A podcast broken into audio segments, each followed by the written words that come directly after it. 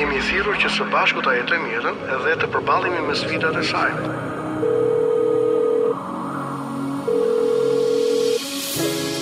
Unë jam pastor Akil Pano. Në Top Albania Radio vjen një program i folur për njeriun, familjen, shoqërinë.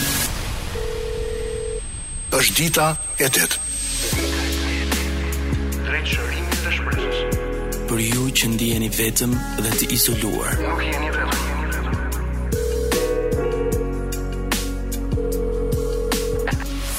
Jemi bashkë. Është dita e tetë. Të dashur miq, mirëmbrëma. Përshëndetje të përzemërta. Unë jam Pastor Akil Pano dhe është vërtet kënaqësi e imja personale që t'ju kem të ftuar në këtë program Dita e 8. Në fakt, kjo është dita e 8 e jetës. Ditë në të cilën e kemi të vështirë të shquajmë horizontin. Ditë e ngarkuar me konfuzion, shqetësim dhe dhimbje. Ditë në të cilën fatkeqësisht e kemi zhvendosur vlerën prej njeriut dhe atë ia kemi hedhur objekteve dhe zotërimeve, ndërsa njeriun e kemi lënë të zhveshur në zbrazëti. Të dashur miq, sot në dita e tetë do ta eksplorojmë temën më të madhe mes humanëve, Dashurinë. Çfarë është dashuria? A do të sakrifikonit ju për dashurinë? Nëse mendoni se ndërkohë e keni bërë sakrificën tuaj të dashurisë, merrni guximin dhe shkruajeni atë, na e nisni, do të ishte historia më e bukur që do të frymëzonte jo pak njerëz. Madje ju ftoj që ta postoni në Facebookun tim Pastor Akil Pano ose në Instagram dhe do të sigurohem që ta lexoj atë për ju gjatë kësaj mbrëmje ose në emisionin tjetër të mërkurën e javës që vjen në Top Albania Radio.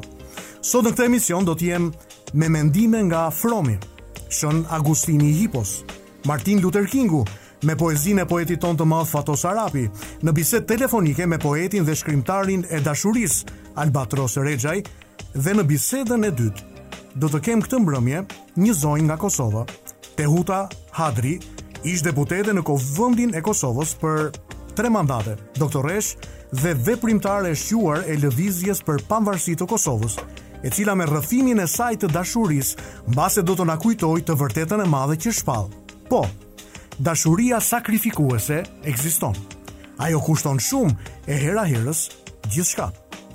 Miq, në këtë hyrje të programit të sotëm po ju jap një aperitiv nga pena ime mbi dashurinë. Sa për t'ju hapur oreksin dhe ndezur dëshirën të qëndroni me mua këtë mbrëmje, të cilën uroj të jetë e bukur dhe e bekuar për ju dhe njerëzit tuaj të çmuar. Dashuria e vërtetë në llojin e saj të epërm nuk mbrohet. Ajo është e zhveshur dhe për çudi nuk ka ftohtë. Nuk trembet dhe për këtë e akuzojnë se është e marrë. Sheh me sytë e shpirtit, ndaj e quajnë të verbër. Sfidon vdekjen dhe nuk ka frikë. Kjo dashuri sfidon status quo-n e pafuqisë. Ndryshon rrjedhën e lumejve të asaj që ne e quajmë normë. Qëndron indiferente ndaj egoizmit. Priret të ndryshojë qendrën e universit të njeriut, i cili jeton të përmbushë vetëm ëndrrat e tij. E pra miq, ja ku jemi së bashku në ditën e tetë. Çfarë teme? Dashuria, forca më e madhe në këtë univers. E pra të dashur miq, home, shtëpia. Shtëpia e cila zgjon brenda secilit prej nesh, kujtimet që nga fëmijëria jonë. Kujtimet e ëmbla, Erën e ngrohtë të bukës së pjekur apo kafes së bluar zgjon kujtimet e prekjes së dorës së një gjyshe apo të një gjyshi. E pra miq, shtëpia. Qoftë dashuria shtëpia e të gjithëve prej nesh. Forca më e madhe në univers, dashuria. A do të sakrifikonit për dashurinë? Dhe nëse e keni bërë, a mund të ndani me ne sonde këtë mbrëmje historinë tuaj?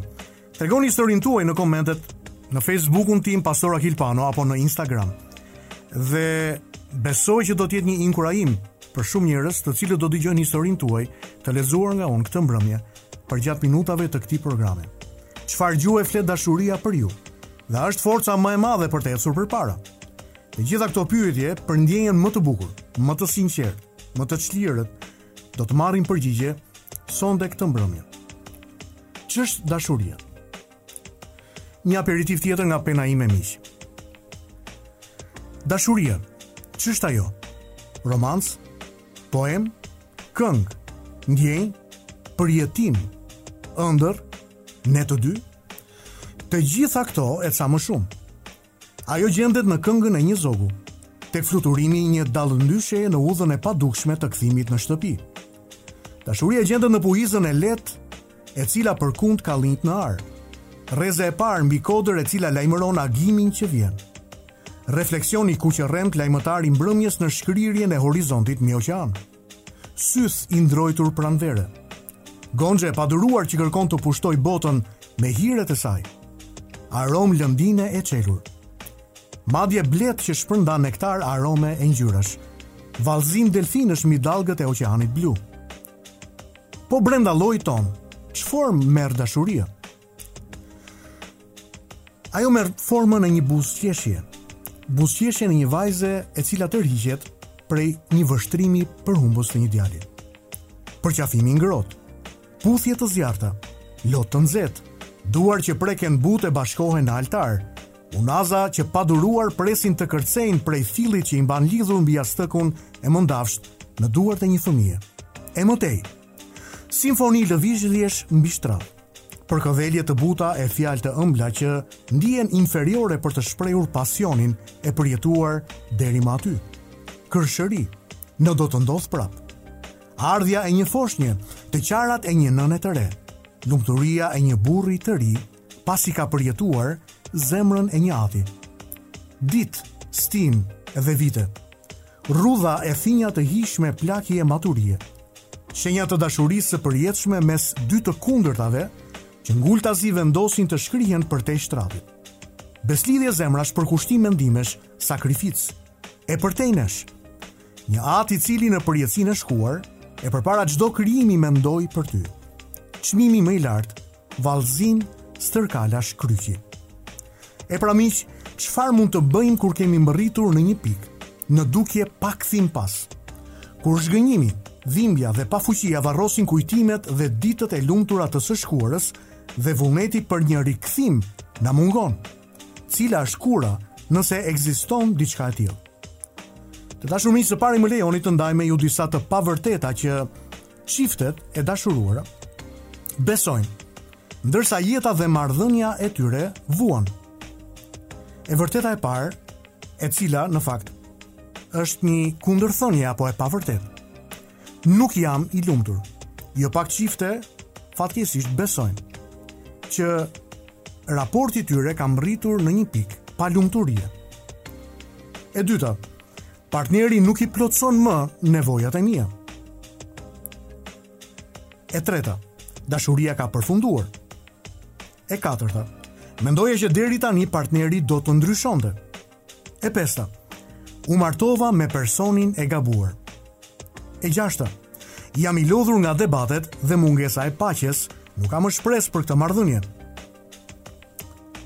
Dhe e shtata, më mirë një fund i tmerrshëm se një tmerr pa fund. Divorci është zgjidhja më e përshtatshme. Këto janë shtatë të pavërtetat që çiftet besojnë, ndërsa jeta dhe marrëdhënia e tyre përballet me sfida. Përgjatë viteve të mia në detyrën e pastorit, rreth 27 vjet, kam këshilluar qindra burra dhe gra të cilët kishin mbërritur në vendin e një zhgënjimi absolut Dhe si rrjedhojë, një mungesë të thellë dëshire dhe shprese për një rikthim a pajtim të mundshëm në martesën e tyre. Zakonisht shpenzoj mjaft kohë duke dëgjuar historitë e tyre, dhe jo rrallë herë më ka ndodhur të dëgjoj njërën nga gënjeshtrat e listës, e hera herës më shumë se një dhe të kombinuara mes tyre. A ka një kurë?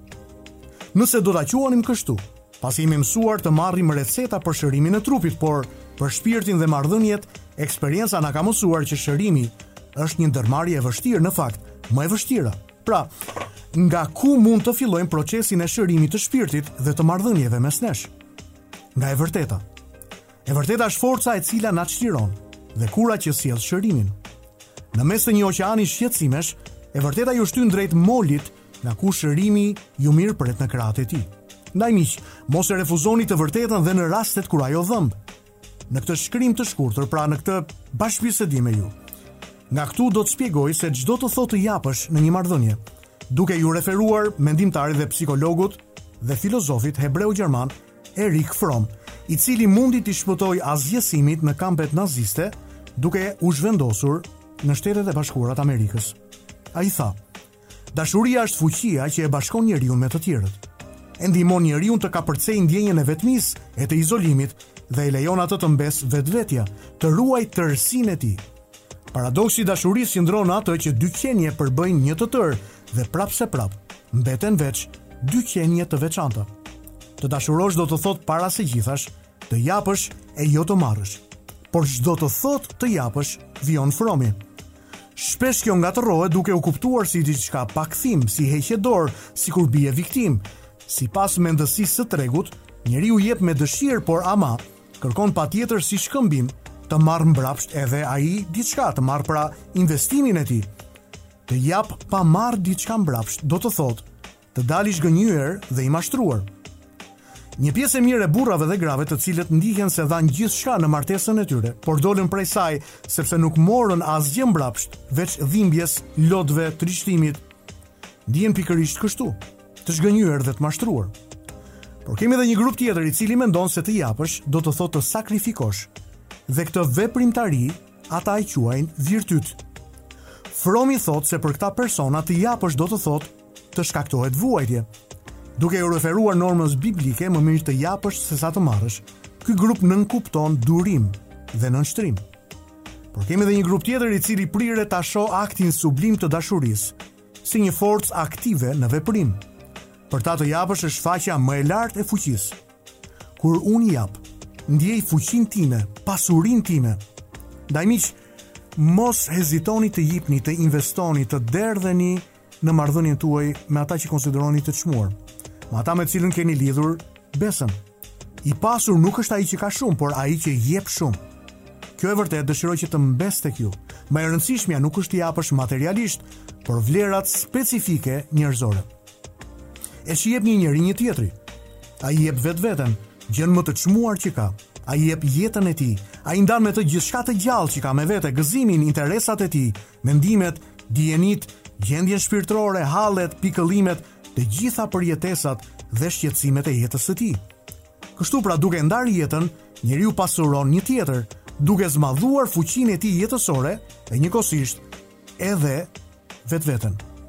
Ai nuk jep që të marrë sepse për të të japësh Është kënaqësi edhe gëzim, sepse të japësh do të thotë të transformosh jetën e dikujt tjetër, sepse të japësh do të thotë të përmirësosh jetën e dikujt tjetër.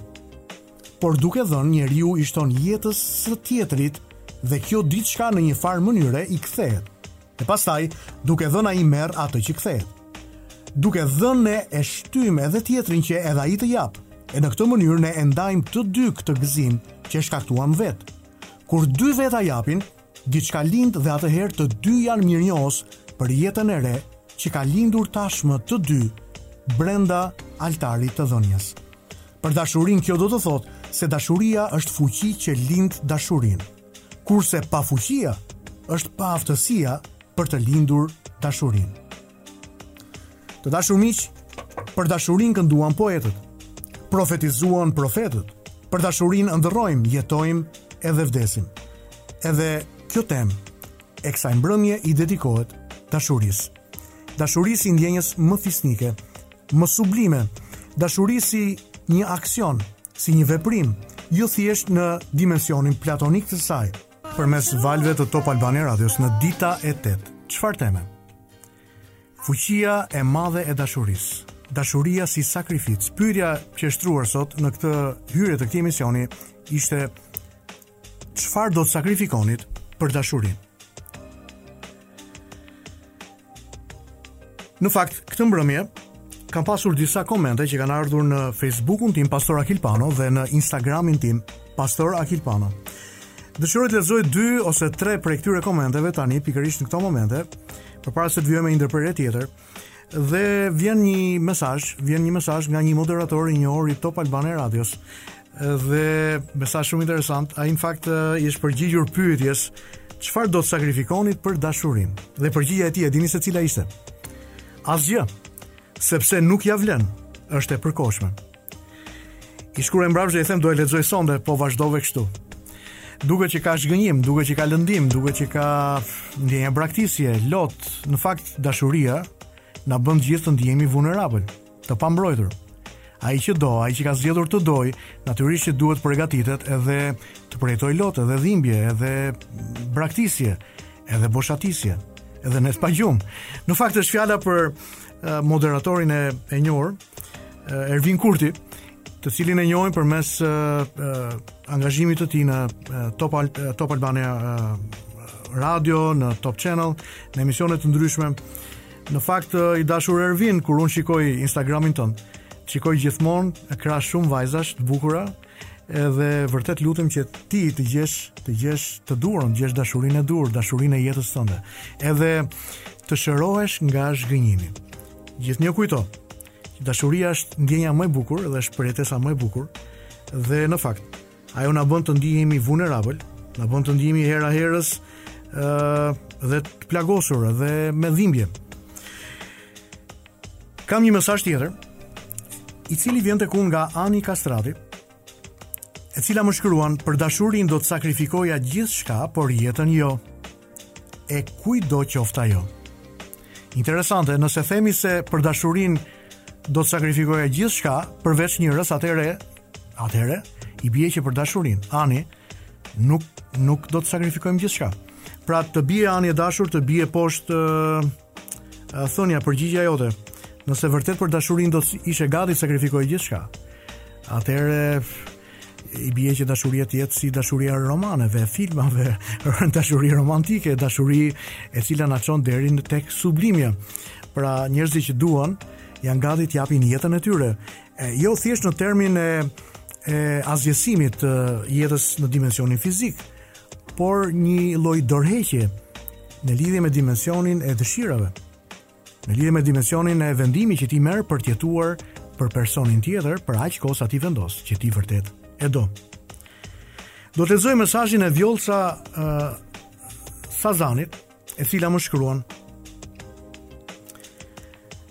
Në këndvështrimin njerëzor dashuria është nevojë. Është një lloj kontrate për të ndenjur bashkë. Merr më shumë ose jep dhe s'merr asgjë në këmbim. Dashuria e Zotit është në dimensione të pamatshme, ajo ia tejkalon çdo gjëje. Ajo është hir mbi ne, është mbi gjithçka. Pikërisht se njoha këtë lloj dashurie, Zemra ime u zbraz nga çdo mëri, urrejtje, inat, nga bota dhe nga situata ku as vet nuk e kupton se gremina është afër. Kjo dashuri fal ndërton, bashkon, riparon, shëron, do. Kjo është dashuria e Zotit. Paç bekime çdo ditë, pastor. Të falenderoj Vjollca për mesazhin. Vjollca nis me dashuri njerëzore dhe më njëherë ndan eksperiencën e saj, se si dashuria e Zotit ka ngrohur dhe ka bekuar jetën e saj. Edhe një mesazh tjetër, Viktoria Viki na shkruan, të tretesh dhe nuk paska gjë më të bukur kur Perëndia të ripërtërin kur ti zvogëlohesh për ta rritur atë në dashuri. Dhe Zoti të rrit ty. Pra, vim vijojmë me me idenë e hedhur nga Fromi, të cilën e lexuam pak më më më lart. Kur ti jep, kur ti investon nga jeta jote, kur ti derdhesh, ti fuqizon jetën e dikujt tjetri dhe nuk ka kënaqësi më të madhe në këmbim nga kjo. Miq, mos harroni. Për dashurinë ëndrrojmë, për dashurinë jetojmë, për dashurinë investojmë, për dashurinë edhe vdesim. Unë jam pastor Akil Pano dhe ky emision titullohet Dita e 8. Tema e këtij emisioni, sikundër e keni dëgjuar tashmë, është forca e madhe e dashurisë. Pyetja që kemi shtruar që në fillim, që në hyrje të këtij emisioni është çfarë do të jepnit për dashurinë? Çfarë do të sakrifikonit për të? Në fakt kemi shumë komente në Facebookun tim Pastor Akil Pano, individë, vajza dhe djem që po na shkruajnë në Instagram, madje gjatë sekondave të pushimit tek regjia me DJ-in dhe gazetarët e Top Albanias, kemi qenë duke diskutuar mbi idenë e dashurisë, a ekziston vërtet ajo? A ekziston dashuria sublime? A ekziston dashuria e përsosur? E të gjitha këto. Në fakt, Pikërisht tani jam me një mik i cili është në linjë. Do të diskutojmë së bashku me të për dashurinë në poezi, dashurinë në publicistikën e tij, dashurinë në shkrimet e tij. Është një personazh shumë i dashur për të gjithë ju miq, që e njihni përmes televizionit, edhe përmes radios, edhe përmes librave dhe poezive të tij. Instagrami i tij është shumë aktiv. Edhe unë e ndjek. e ndjek dhe gjithnjë inkurajohem edhe më bëjnë të mendojnë, të mendoj ato poezitë dhe edhe pjesët nga shkrimet e prozave të tij. Është fjala për shkrimtarin e njohur dhe poetin Albatros Rexhaj. I dashur Albatros, mirë se vjen. Mirëmbrëma pastor, faleminderit shumë për ftesën. Është nder që jemi në emisionin tuaj. Ju falenderoj vërtet që pranuat ftesën dhe Gjithnjë kam dashur që të bëjmë një bashkëbisedim edhe ku ka më mirë se sa të bashkëbisedosh mbi subjektin e subjekteve, temën e temave. Pra dashuria, dashurinë e kanë pasur në fokus profetët, e kanë në fokus poetët e të gjitha kohërave. Dashuria në penën tuaj është një nga temat apo tematikat e cila zë vend të rëndësishëm dhe është diçka që shihet qartë. Mund të themi që ju jeni një poet që i shkruani shumë dashurisë. A mund ju pyes çfarë është dashuria për ju dhe kush ju frymëzon të shkruani për dashurinë? Ëh, uh, unë do bëhem kështu shumë i sinqertë. Kjo është pjesë e rrugëtimit tim shpirtëror. Unë besoj në atë që dashuria e Perëndisë është esenca e mëshirës që ka Perëndia. dhe mendoj që vetëm falë kësaj dashurie njerëzimi vazhdon të ekzistojë, sepse duke marrë parasysh sa jemi të pakujdesshëm ne ndaj njëri tjetrit, ndaj natyrës, po edhe ndaj vetes, sikur mos ekziston kjo dashuri e pakusht dhe pafund e Perëndisë, kjo botë moti, moti do të merrte fund. Edhe këtu e shoh faktikisht fillimin e çdo gjëje dhe përfundimin e çdo gjëje. Dashuria është për mua ajo është hyjnore, por kur e them këtë hyjnore, unë e bazoj në atë idenë që e, dashuria është gjithçka që mendja e njeriut mund të mendojë se çka është, plus diçka më tepër. Do të thotë secili njeri ka një përkufizim, por dashuria sikur të gjitha përkufizimet e të gjithë njerëzve që ekzistojnë, të gjithë njerëzve që kanë ekzistuar dhe që do të ekzistojnë, të përmblidhen në një varg të vetëm, Dashuria prap do të jetë diçka më tepër. Fantastike, ky ky përshkrim juaj është vërtet fantastik. Në fakt, e shikojmë dashurinë në natyrë, e shikojmë tek lindja e çdo agimi në mëngjes, e shikojmë tek çdo perëndim dielli, e shikojmë tek çdo moment kur një nënë, një mama e re përkund në krahët e saj një foshnje të sapolindur dhe e ushqen në gji. Ka dashuri mjaft kur shikon një gonxhe që çel edhe edhe edhe bëhet lule. Por kur shohim raportet njerëzore hera herës, Shtrojmë pyetjen, ku shkoi dashuria? Si e shikoni ju këtë element? Pra, ndërsa shikojmë, ndërsa shikojmë raportet njerëzore dhe shpesh uh, gjejmë valenca të larta, zemërimi dhe urrejtje, çfarë ka ndodhur me dashurinë mes njerëzve? Albatros. Unë kur gjindem përballë këtyre situatave të tilla gjithmonë më kujtohet ai miti për fillimin e botës ku thuhet nga errësira doli drita.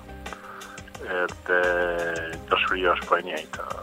Njerëzimi është në natyrën e mira dhe e keqja është brenda njeriut dhe brenda kësaj lufte njeriu e ka për obligim që ta gjej, që ta gjej veten.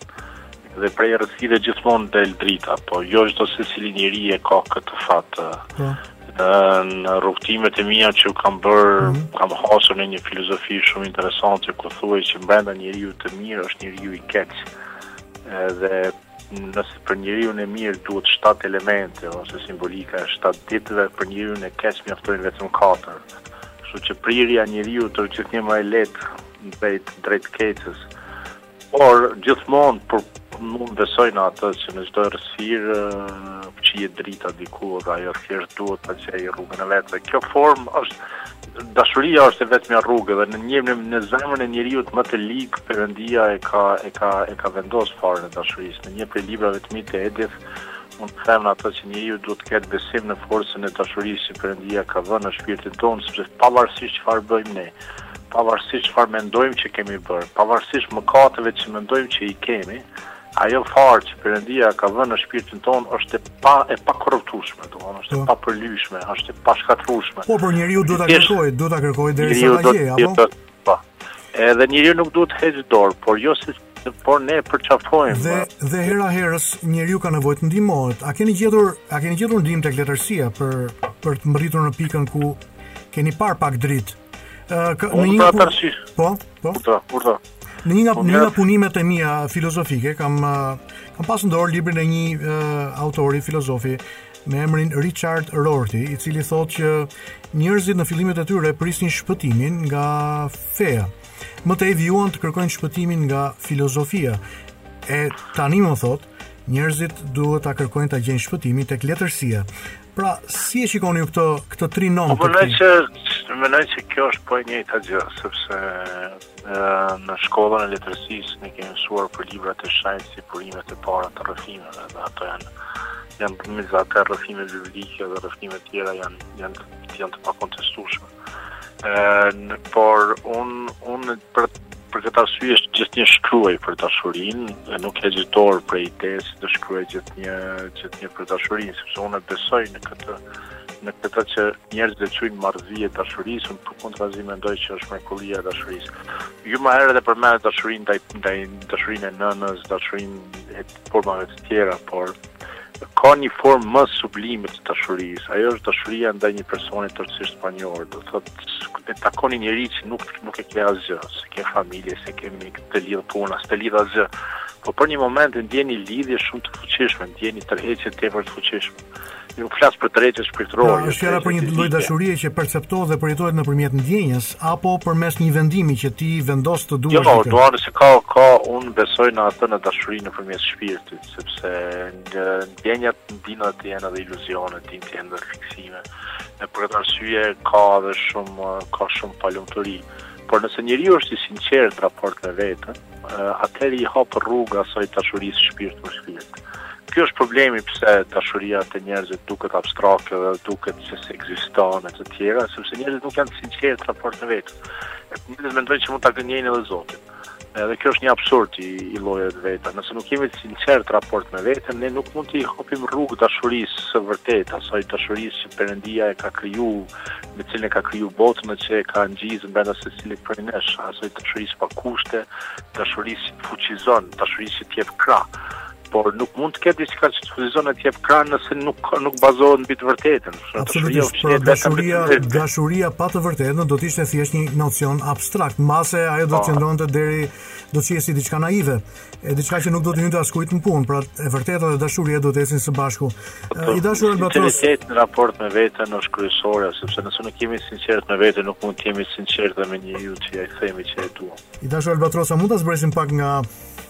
Nga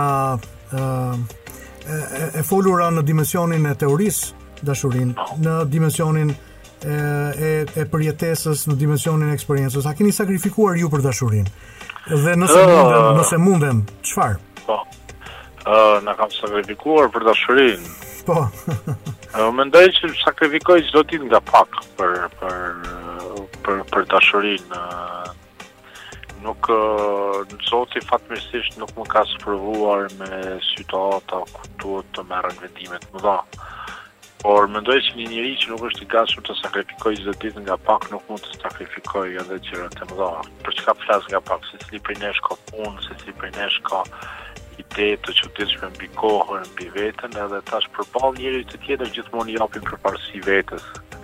themi po un kam pun, po un s'kam kohë, po un kam probleme, po un kam kështu, po un kam kështu. Kur një njeri e do prej së vërteti, kjo un spostohet pak në plan të dytë dhe gjen kohë, gjen hapësirë, e lën egon pak anash, përpiqesh që ta shohësh atë që quhet ne. Un këto i quaj sakrificat e vogla. dhe që janë bazë edhe të një sakrifice të madhe. Nuk ka sakrificë të madhe për dashuri nëse nuk ka sakrifice të vogla. Pa këto sakrifice të vogla, çfarë do që njeriu thotë që bën në emër të dashurisë është thjesht gënjen. Ky është mendimi, mendimi im. Në fakt, këto sakrifice të vogla janë shumë të rëndësishme, janë thelbi i lumturisë. Në fakt, në qoftë se këto të vërtet do ta do ta përkthente në jetën e vet të përditshme çdo çift, atëherë do t'i minimizonte vetes shumë kokçarje dhe shumë Dhimbje koke, pra do të do të kishin mundësinë që mos shkonin tek ato momentet ekstreme të dhimbjes po, dhe drejt divorcit. Një njeri mund të një lexova pashë një një një një, një mesazh në Facebook para disa ditësh të dikujt tha nuk mund të ketë dashuri përderisa ka martesa. Edhe kjo në pamje të parë sot duket kështu, por mund të them nuk mund të ketë dashuri përderisa ka lidhje raporte të pasinqerta. Edhe nuk janë kontratat ato që i lidhin njerëzit, po është më pëlqen një fjalë është në gjuhën angleze nga tradit nga tradita e krishterë ku flet ku flitet për betimet që njerëzit i japin njëri tjetrit, vows. Po, po, betimet, po. Edhe, Po, edhe ato duhet të jenë të sinqerta, nuk duhet të jenë sa për sy e faqe apo për për publikun. E nuk ka nuk ka dashuri nëse betimet janë të pasinqerta, domethënë dashuria nuk nuk jeton në kontrata, dashuria nuk jeton në betime para publikut, para njerëzve, dashuria jeton vetëm në betime që i bëjmë njëri tjetrit dhe para Zotit. Ashtu është në fakt dashuria është një ndërmarrje e rëndë, ndërmarrje e madhe, është një mantel i rëndë mbi supet e kujtdo. Dhe Në një marrëdhënie, ajo duhet të përkthehet në një aksion të përditshëm, pikërisht sikundër dhe ju thatë. Në një nga shkrimet tuaja ju thoni mos më dashuro vetëm me fjalë. Kjo është një nga shprehjet që ju keni shkruar në Instagramin tuaj, ditari virtual. A ka sot në këtë botë moderne kryesisht vetëm dashuri me fjalë, mbase kemi të bëjmë me një keqkuptim të dashurisë? Ëh, oh, secila kohë po i ka ato sfidat e veta, edhe sot Jetojmë në një kohë fatkeqësisht kur njerëzit duan deklarime, domethënë duan shpallje publike, duan llafe që t'i tregojnë. Ne sot jetojmë në kohën e absurdit ku njerëzit nga e hëna në të shtunën jetojnë jetën si Siç si të munden e të dielën dalin edhe bëjnë një fotografi aty sa për ta nxjerrë në në Facebook apo në Instagram. Domethënë jetojmë në kohën e dukjes, në kohën e reklamës. Mendoj që ky është presioni i mënyrës sonë të të jetuarit. Edhe sot pavarësisht që jemi 8 miliard njerëz nëpërmjet rrjeteve sociale, ngjashëm po e shohim njëri tjetrin dhe po e njohim njëri tjetrin, por po e njohim maskën më të më të sofistikuar të një tjetëri. Dhe përballë kësaj, mua shpesh më has më ndodhë të, të kem përvoja ku dikush të, të, të mendon që mjaftohet me një deklarim dashurie po. e kështu që, që tinglon bukur. Dashuria është më tepër se kaq, është më tepër lidhur, se Lidhur me, me këtë, mendoni që mes brezit të sotëm dhe brezit të prindërve apo gjyshërve tanë Uh, është dashuria që ka ndryshuar, ka udhëtuar dashuria apo ka ndryshuar njerëzit dhe perceptimi i tyre mbi dashurinë? Mendoj se ka ndryshuar njeriu, perceptimi është në esencë është i njëjtë, por dallimi është që prindërit tanë gjyshit tanë kanë qenë më të guximshëm, shumë më të guximshëm. Edhe edhe sado që ne kanë mundur të jenë më të ngurtë, në shprehjen e ndjenjave, në, në mendimet e tyre, por kanë qenë më të guximshëm. Sot njerëzit në pamje të parë janë më të lirë, por janë më pak të guximshëm. Edhe dashuri nuk ka, dashuria nuk mund të jetojë, dashuria nuk mund të shpërthejë, nuk mund të zhvillohet nëse nuk ka guxim. Dashuria kërkon një lloj guximi, një lloj çmendurie të ëmbël. Edhe sot brezat e ri janë janë të paguximshëm. këtë kuptim janë më janë më mekanik sepse ë kështu Mbase ata janë të guximshëm vetëm për atë çka momenti i dashurisë ju ofron. Dëgjo, jo, impulset, impulset, po. dashuria nuk jeton në impulse. Po. Këtu është ajo që unë kam shpesh këtë debat me njerëz. Mm -hmm. Dashuria nuk jeton në shpërthime të momentit. Dashuria nuk është sprint. Dashuria është maratonë. dhe në momentin kur dy njerëz takohen është dashuria ngjizet por ajo që të lindë e kërkon kohën e vet është sikur një sikur foshnja në në në në në barkun e në mitrën e nënës do të thotë ngjizet së pari pastaj po. e do kohën e vet që të lindë pasi që të lindë e ka atë luftën që të mbijetojë Dhe dashuria mes dy njerëzve kalon nëpër këto sfida, është ngjizja, pastaj është lind kur të lindë e do kohën edhe luftën për të mbijetuar. Edhe për këtë arsye them, dashuria është maratonë, nuk është sprint. A mendon ti pjesë e madhe e brezit të ri mendojnë se është sprint? A mendon që kryesisht në një marrëdhënie, Ne hyjmë të papërgatitur, të pamësuar, të pambrojtur dhe vetëm për ata të cilët luftojnë dhe guxojnë deri në fund, pra është fjala për dy partnerët, janë në gjendje që ta ruajnë raportin e tyre. Uh, unë un mendoj se kjo vlen, kam mendu shumë për këtë gjë, pastor, dhe por kam ardhë në përfundimi që kjo vlen për shumë aspekte të jetës sonë. Uh, në 30 të vitet e fundit psikologjia ka zhvilluar atë konceptin e inteligjencës emocionale që në realitet është të, të zhvillosh një lloj aftësie për të lexuar ndjenjat e tua. Kaq e ka inteligjenca emocionale për të lexuar drejt ndjenjat e tua. Dhe ne shqiptarët sidomos Kemi frikë me bërë një lexim të drejtë të ndjenjave tona. Nëse dikush diskuton për ne, po ti e admiron personin, e respekton, do thonë jo. Ne gjithmonë përgjigjemi me jo kur është fjala për ndjenjat tona.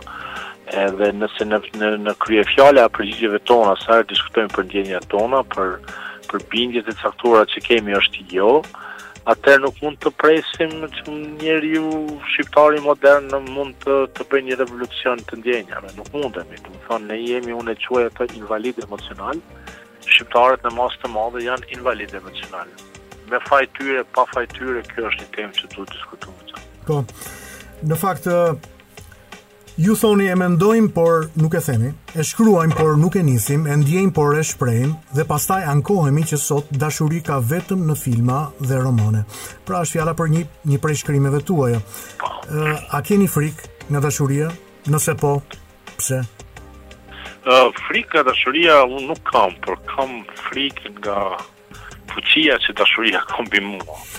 Edhe frikë nga përkushtimi, frikë nga asgjësimi i vetes, frikë nga tjetërsimi yt.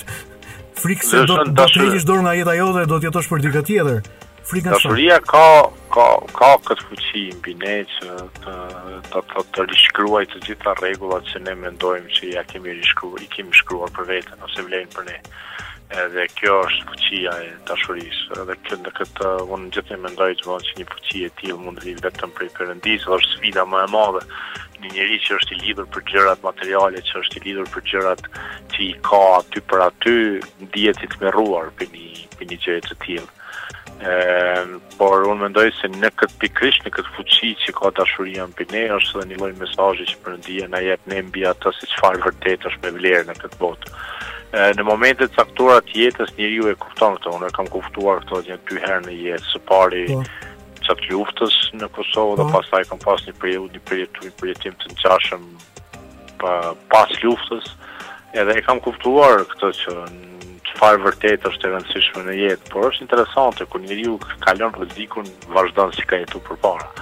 Ëh, është një fjalë e urtë në Lindjen e Mesme, thotë çfarë do të thotë njeri, thotë njeri do të thotë ai i cili gabon, pastaj kur gabon pendohet, pastaj pasi që të pendohet, harron që është penduar dhe gabon fillimin. fillon gabon nga fillimi. Edhe unë mendoj se kjo është esenca e natyrës sonë njerëzore, dhe për këtë arsye unë them, dashuria është maraton, nuk është maraton vetëm në raport me njeriun që ti e don, në raport në raport me veten, është raport me krijuesin, është raport me njerëzit që na frymëzojnë, është raport me natyrën, do të thotë nuk duhet hequr dorë nga ajo që ne mendojmë që është e mirë brenda nesh dhe nuk ka gjë e mira përkufizohet vetëm nëpërmjet dashurisë, nuk përkufizohet nëpërmjet asgjëje tjetër, përndryshe e mira është nocion abstrakt. E vërtetë, edhe për ta, për ta risjellë edhe një herë për gjithë dëgjuesit tanë, e vërteta dhe dashuria duhet të ecin të dyja së bashku paralel me njëra-tjetrën, pasi dashuria pa të vërtetën do të mbetet naive, do të mbetet në abstrakt. I dashur Albatros. Është nocion kot, pa të vërtetën dashuria po. është domethënë është është vetëm thjesht fjalë goje.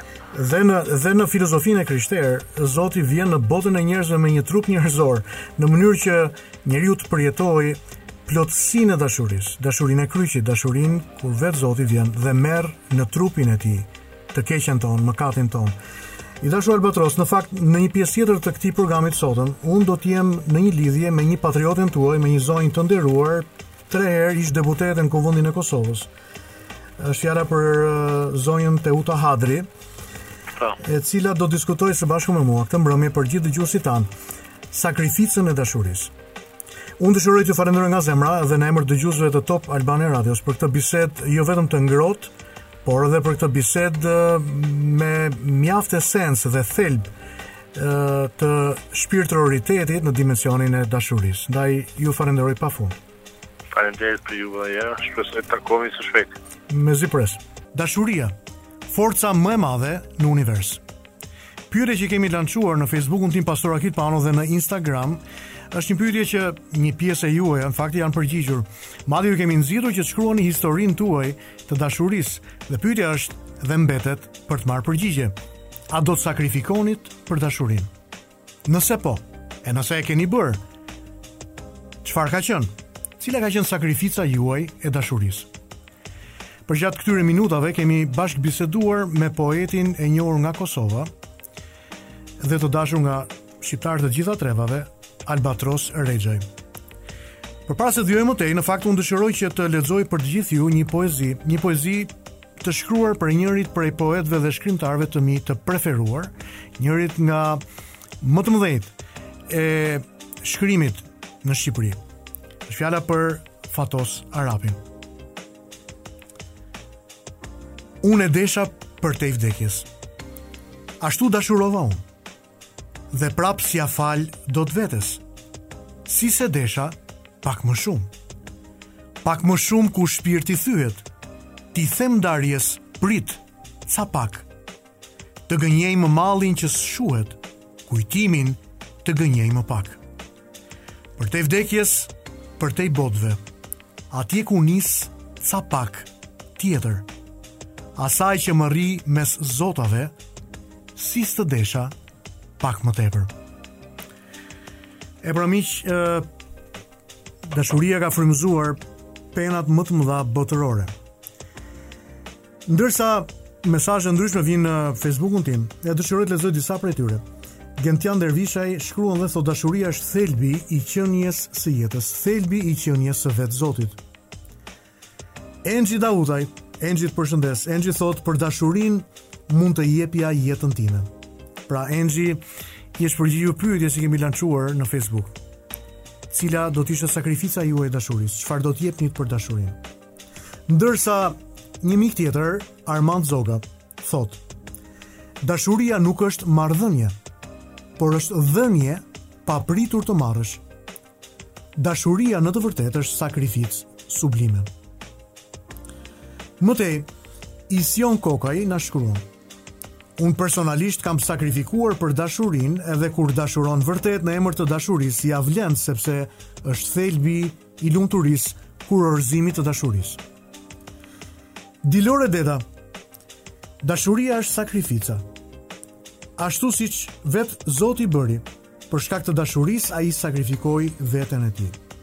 Jorgo thotë, kush nuk ka rrezikuar për dashurinë, nuk e ka takuar ndonjëherë atë. Miq përpara se të vijoj më tej, dëshiroj të lexoj një letër. Është letra e njërit prej më të mëdhenjve të shkencës, i cili i shkruan bijës së tij. Letra e Einsteinit drejtuar të bijës. Letra vijon kështu. Kur propozova teorinë e relativitetit, shumë pak njerëz më kuptuan. Ajo çfarë do të zbuloj tani për njerëzimin gjithashtu do të pritet me keqkuptim dhe paragjykim. Po të kërkoj të ruash letrat e mia për sa kohë të jetë e nevojshme, vite, dekada, derisa shoqëria të ketë bërë aq progres sa të arrijë të pranojë çfarë do të shpjegoj më poshtë. Ekziston një forcë kaq e fuqishme sa deri sot shkenca nuk ka arritur t'i gjejë një shpjegim. Është një forcë që përfshin dhe i sundon të gjithë, që fshihet pas çdo fenomeni në univers. Kjo forcë është dashuria.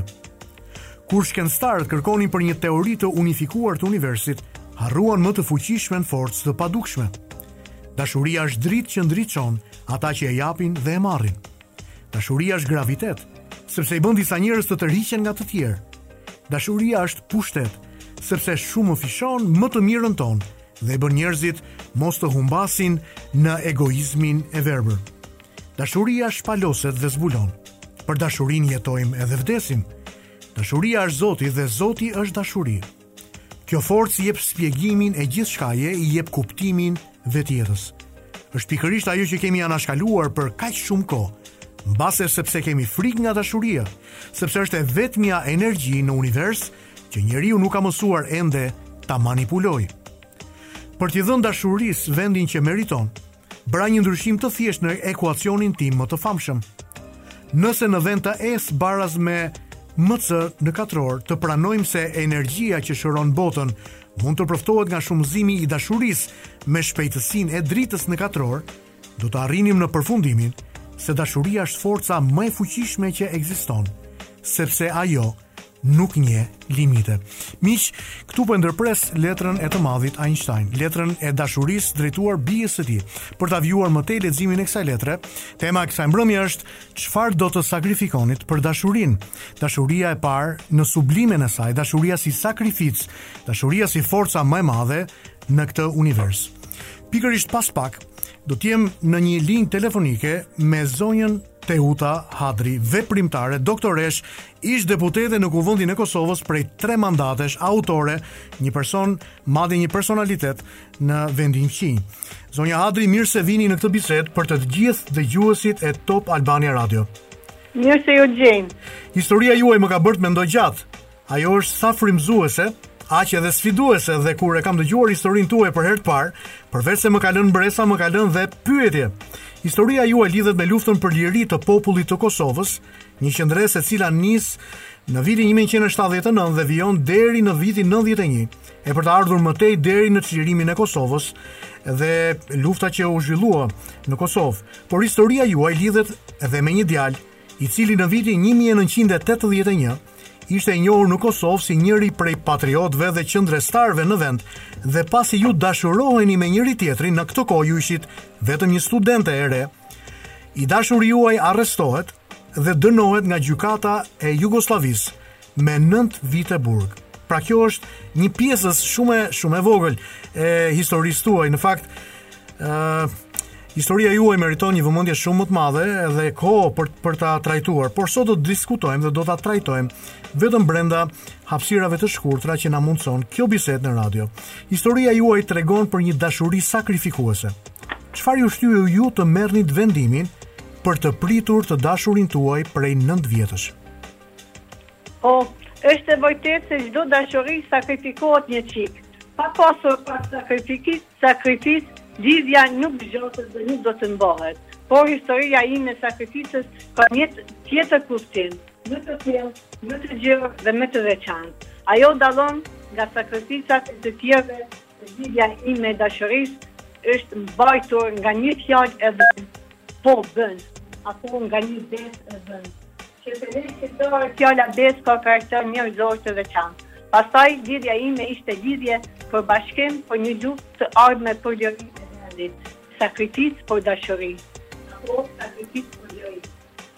Apo dashuri për sakrificë.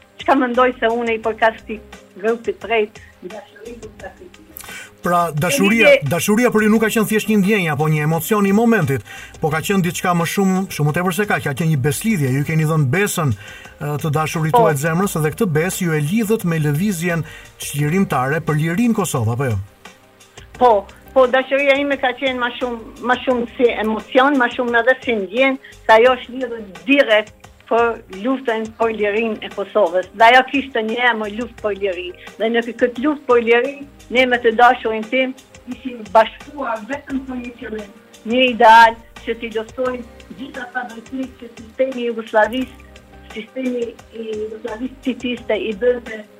I bënte diskriminim popullit shqiptar në Kosovë, e diskriminonte atë, shfrytëzonte pasuritë natyrore, shfrytëzonte fuqinë punëtore, fuqinë intelektuale dhe vërtet jeta në Kosovë ishte bërë e dhunshme e padurueshme, kështu që unë Kosovës mund të them ia fala atë dashurinë për sakrificë Se për të po. për të ardhur deri te çlirimi kombëtar i vendit duhet ne të sakrifikonim edhe jetën edhe dashurinë. Zonja Hadri, në fakt ju jeni vajzë, vajzë kosovare themi ne këtej të Shqipërisë.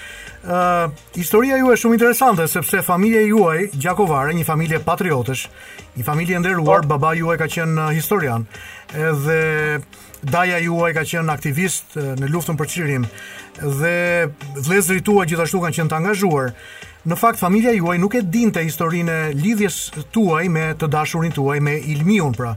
Në fakt juve bëni një deklaratë dashurie në momentin kur gjyqi në të cilin gjendej Ilmiu zhvillohej dhe transmetohej live në televizion dhe ju i tregoni familjarëve tuaj që juve pikërisht jeni dashuruar me këtë djalë i cili dënohet nga gjykata e Titos asaj kohe, pra nga gjykata e Jugosllavisë, me nëntë vjet burg. Si u ndje Teuta ndërsa mori këtë vendim? A e kujtoni se çfarë menduat ju në ato momente?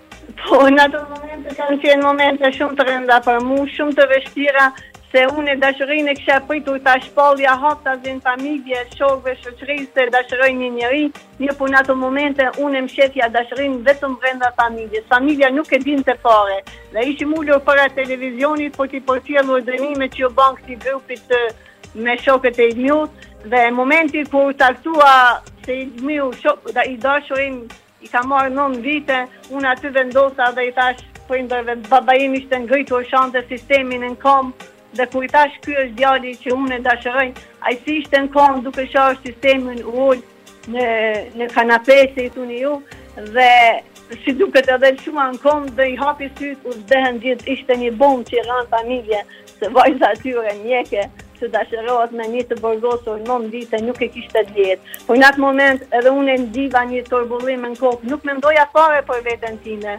Nuk mendoja se fatin tash e kisha përcaktuar fatin tim, ja jetë, ja liri.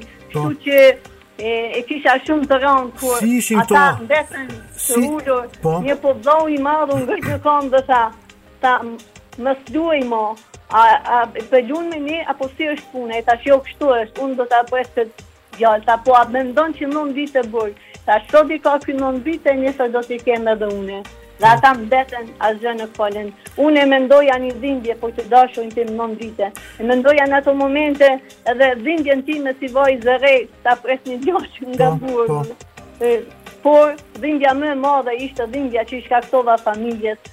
Sa da vërtet e kishim mësuar një një befasi që nuk e kishim pritur po. nga unë. Po në fakt juve juve në vijim më pas ju e patët mbështetjen e familjarëve tuaj apo jo, të babait, të vëllezërve, të mamasë. E kishim mbështetjen, por në ato çaste t'i thuash babës se vajza jote e pret një të dënuar, siç ishte ai grupi më kontrarevolucionar i Jugosllavisë nuk ishte lehtë, se unë në fakt e sjellja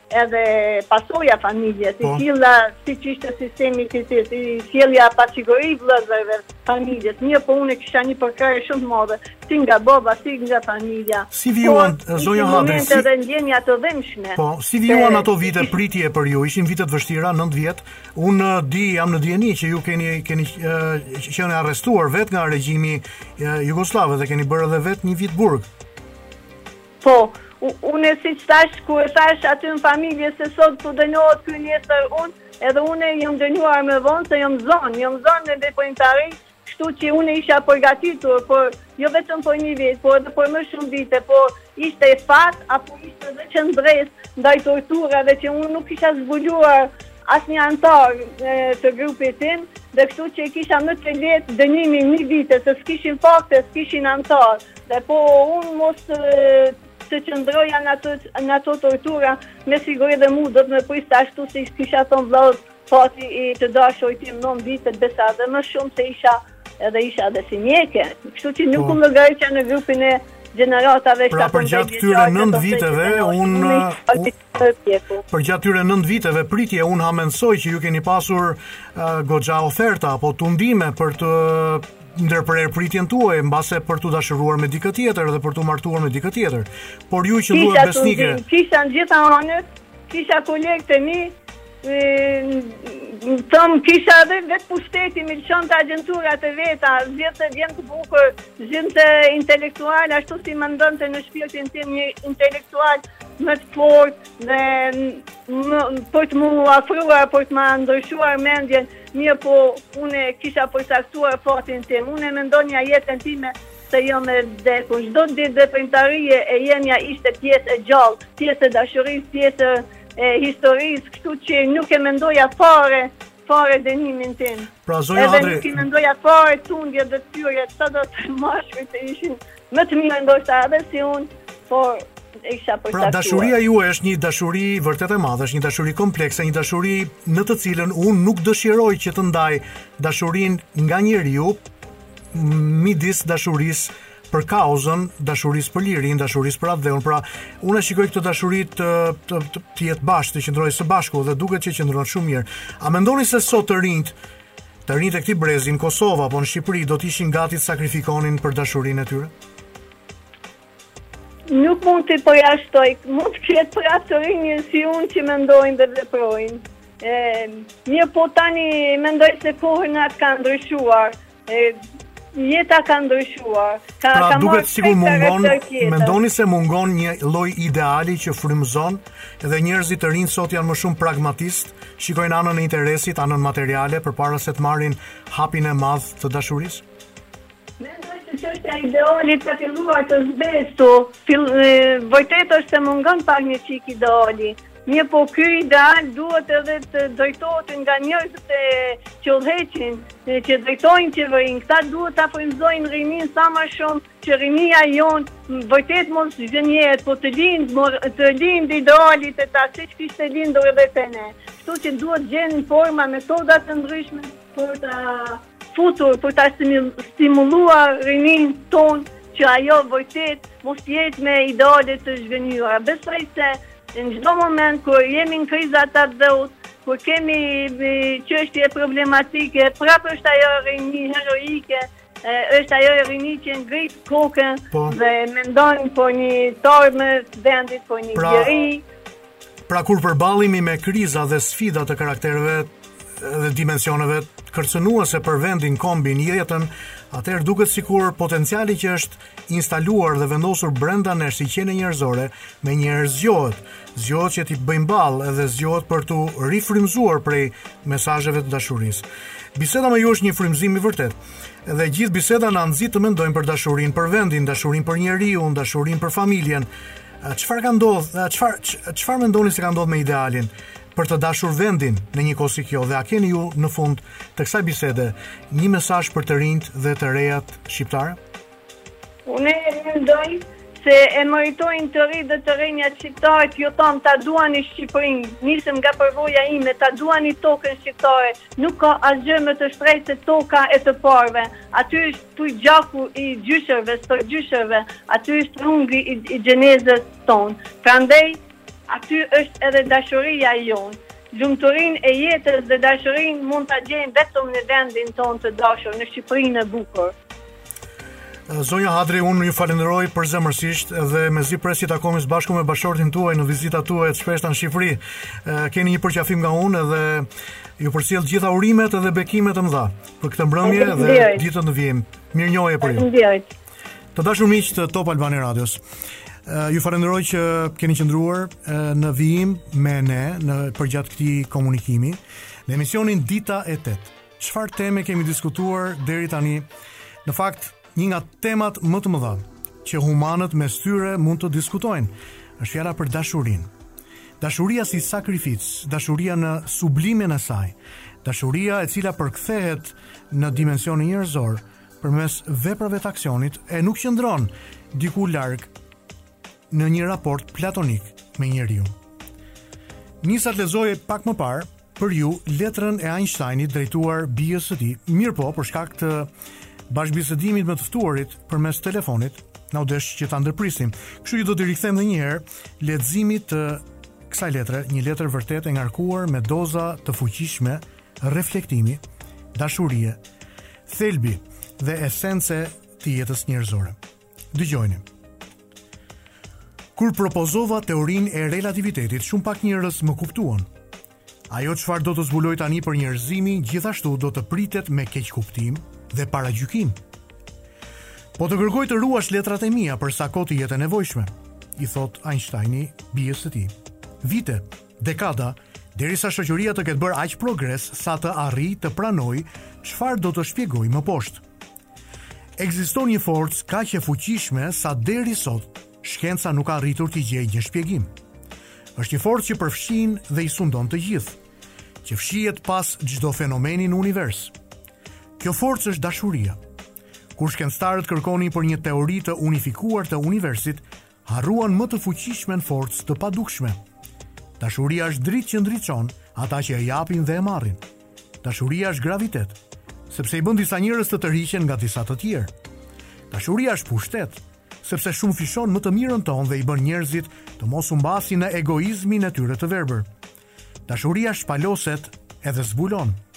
Për dashurinë jetojmë edhe vdesim.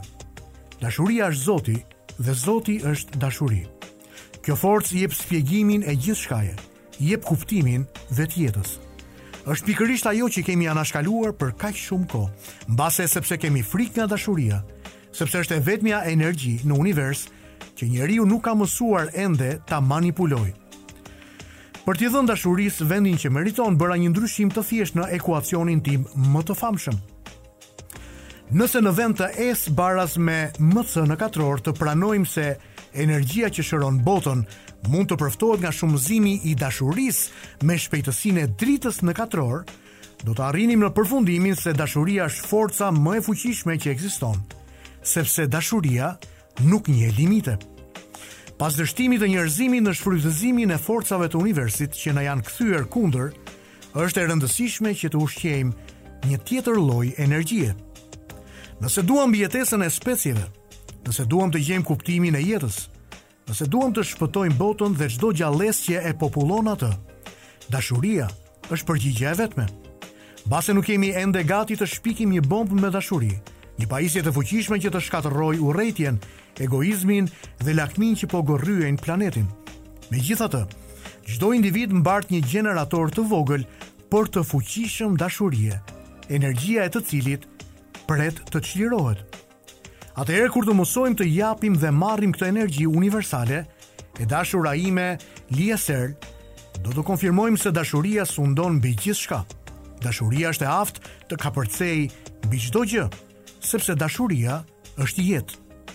Jam thellësisht i penduar që nuk kam qenë i aftë të shpreh çfarë kam në zemër, që ka rrahur për ty gjatë gjithë jetës time. Mbase është vonë për të kërkuar ndjesë. Por meqë koha është relative, Dua të të them se të dua. Falë teje, kam gjetur përgjigjen themelore. Babai yt Albert Einstein. E pra të dashur miq, mbase ka ardhur koha që ju t'i thoni bijave dhe bijve tuaj pikërisht këtë mesazh dashurie. T'i përqafoni ata. T'i tregoni se sa shumë i çmoni dhe i doni, sa shumë Mendoni për ta. Në fakt ato janë thelbi i jetës tuaj. Miq, dashuria, forca më e madhe në këtë univers. Më lejoni që të ndaj për ju, përgjatë fundit të këtyre minutave në këtë komunikim të kësaj mbrëmje. Diçka nga pena ime.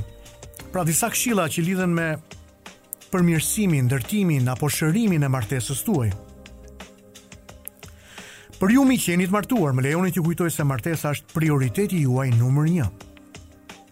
E në vend që të imitoni të tjerët, të shpenzoni kohë në rrjetet sociale, të frekuentoni baret e qytetit apo të qëndroni përpara ekranit të celularit a televizorit, investoni në martesën tuaj. Përkushtojuni njëri-tjetrit. Ky është përkthimi i dashurisë. Besojini njëri-tjetrit.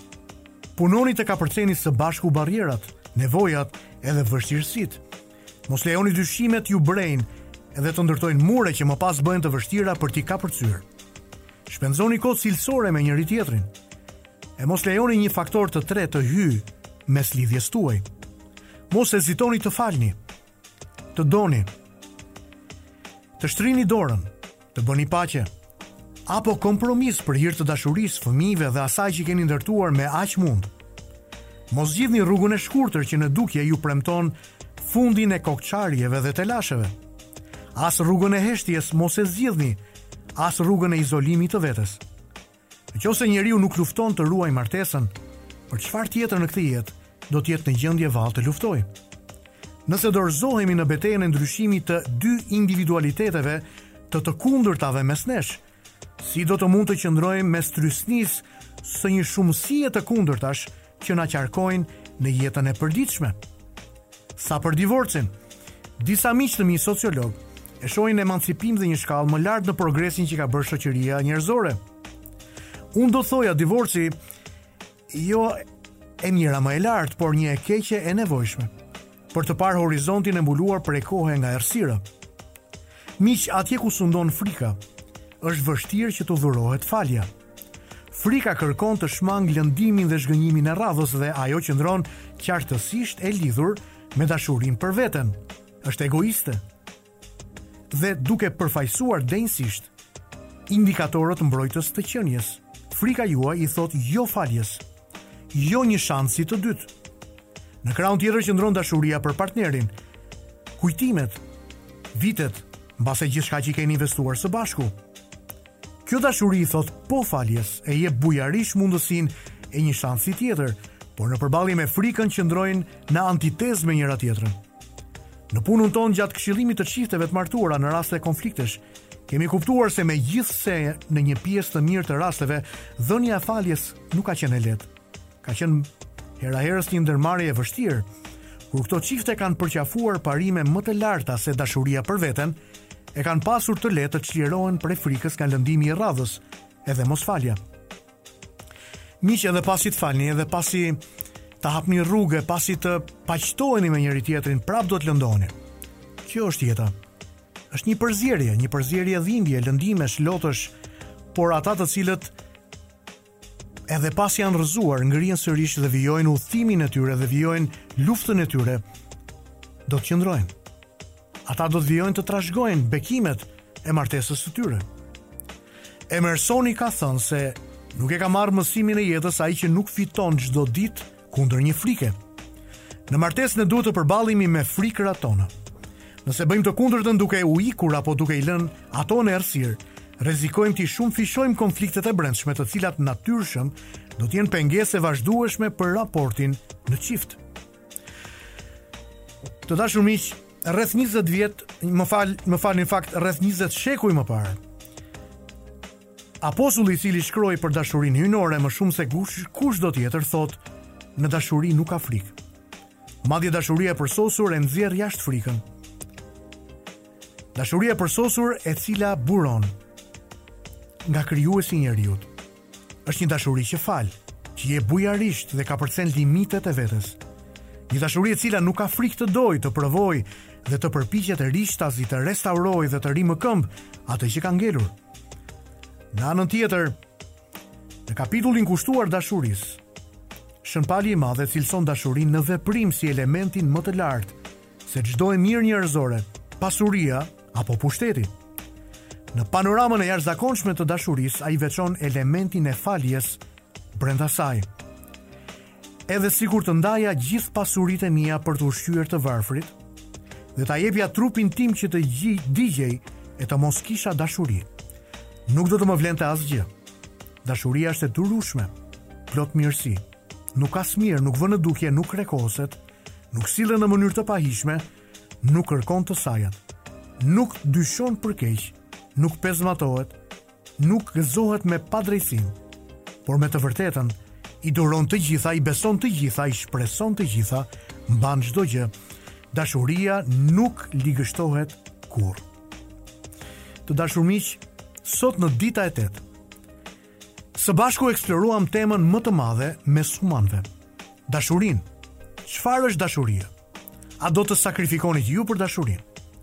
Nëse mendoni se ndërkohë e keni bërë sakrificën tuaj të dashurisë, merrni guximin e shkruajeni atë, do të jetë historia më e bukur që do të frymëzojë jo pak njerëz. Postojeni në Facebookun tim Pastor Akil Pano apo në Instagramin tim dhe do të sigurohem që ta lexoj atë për ju në emisionin tjetër. Pasi po mbërrijmë në minutat e fundit të këtij programi. Sot në këtë emision ishim me mendime prej Fromit, Agustinit të Hipos, Martin Luther Kingut, me poezinë e poetit tonë të madh Fatos Arapi. Në bisedë telefonike me poetin dhe shkrimtarin e dashurisë Albatros Rexhaj dhe bisedën e dytë në studio e kisha këtë mbrëmje me zonjën Teuta Hadri, ish deputete në Kuvendin e Kosovës për 3 mandate, doktoreshë dhe veprimtare e shquar e lëvizjes për pavarësi të Kosovës, e cila me rrëfimin e saj të dashurisë na kujtoi që po. Dashuria sakrifikuese ekziston. Ajo kushton shumë e hera herës gjithçka. Të dashur miq, këtu kemi mbërritur në mbyllje të programit për sot. Ju uroj një mbrëmje të bekuar për ju dhe të dashurit tuaj të zemrës dhe ju lë takim të mërkurën e ardhshme në orën 8 të darkës.